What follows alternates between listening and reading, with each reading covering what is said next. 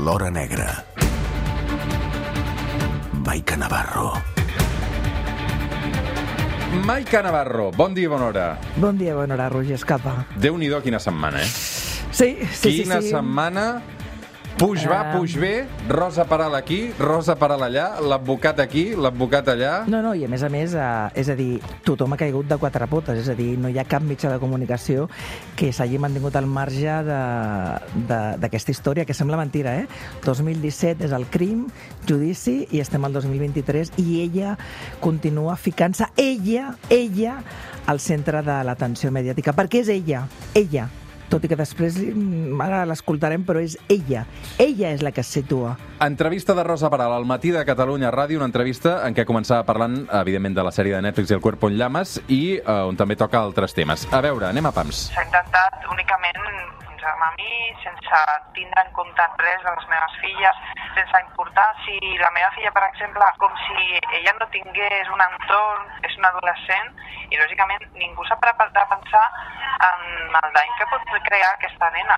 Ja no només per mi, és que a mi el que m'importa és el que ella pot sofrir ara mateix. A veure, Maica, tu, de tota la setmana i de com ha anat, i de les uh, declaracions creuades, perquè evidentment aquí hi han hagut, uh, després d'aquesta entrevista amb el Ricard Ostrell, um, diversos moviments, la Conselleria de, de Justícia, um, també el Ricard explicava que s'hi havia ficat pel mig intentar-la impedir, Molt. Mhm. després I es va... prohibir la emissió. Els van Després- pressionar moltíssim, em consta.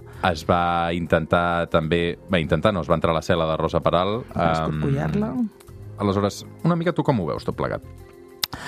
A veure, jo defenso el dret, el dret dels presos condemnats o no a, a expressar-se i a concedir entrevistes. De fet, et recordo que jo vaig protagonitzar una altra polèmica i vaig entrevistar en el seu moment a Dani Alves. És Una entrevista en el- molt discutida, per cert, també. Mm, és veritat que en aquella ocasió jo vaig demanar obertament directament a, al director de la presó, és a dir, jo no vaig fer servir una comunicació amb el Dani Alves per després eh, fer l'entrevista.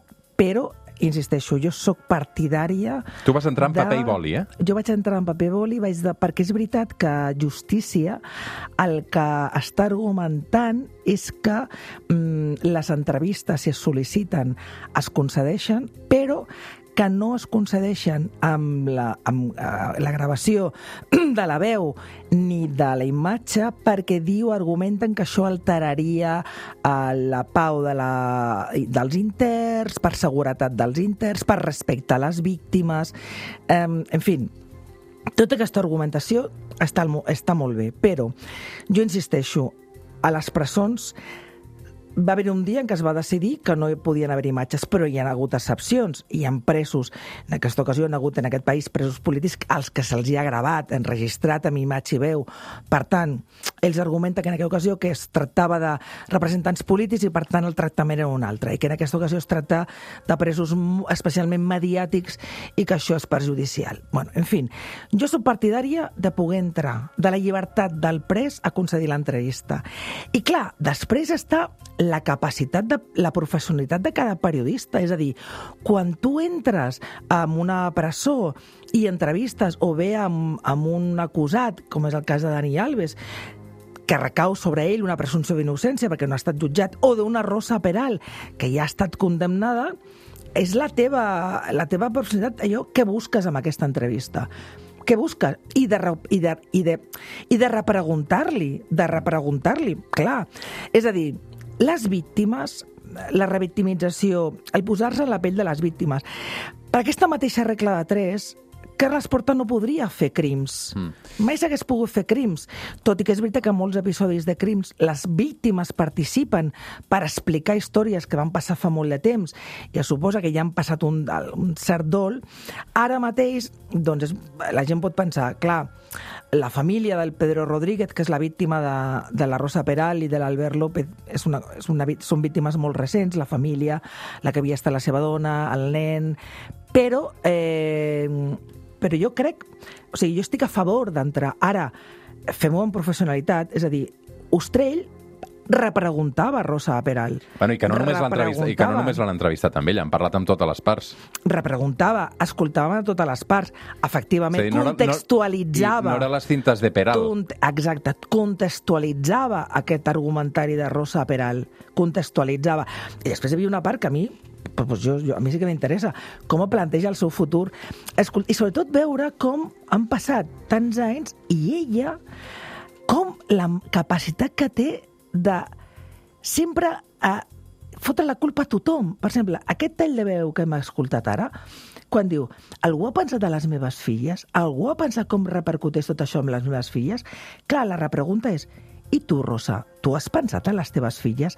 Perquè el documental de la Rosa Peral ella facilita a la productora, a Brutal Media, tot, una, tot unes imatges de les seves filles des de que van néixer, que és ella la que ho entrega, ho posa a disposició del, del, de la productora i que s'està emetent amb, amb Netflix i que ho està veient a mig món. Mm. Qui col·loca en el centre de tot a les seves filles?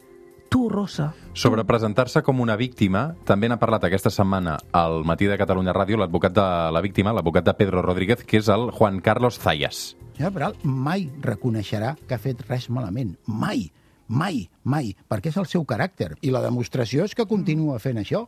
És a dir, una persona que està condemnada a 25 anys de presó i, i no ha dit allò de dir, bueno, doncs miri, no sé, encara que fos, eh, doncs va ser un mal moment o, o miri... No, no, no, ni ho dirà. Res. Ni ho dirà, perquè forma part de la seva personalitat, això. Sí, sí, té tota, té tota la raó. La vam, la vam escoltar en el judici i després tu parles amb els, amb els Mossos d'Esquadra que durant aquells mesos la van tractar, els que la van investigar i que, van, i que van, no van tenir cap dubte cap d'uns dies que era ella la responsable d'aquest crim juntament amb una relació també directa de l'Albert López.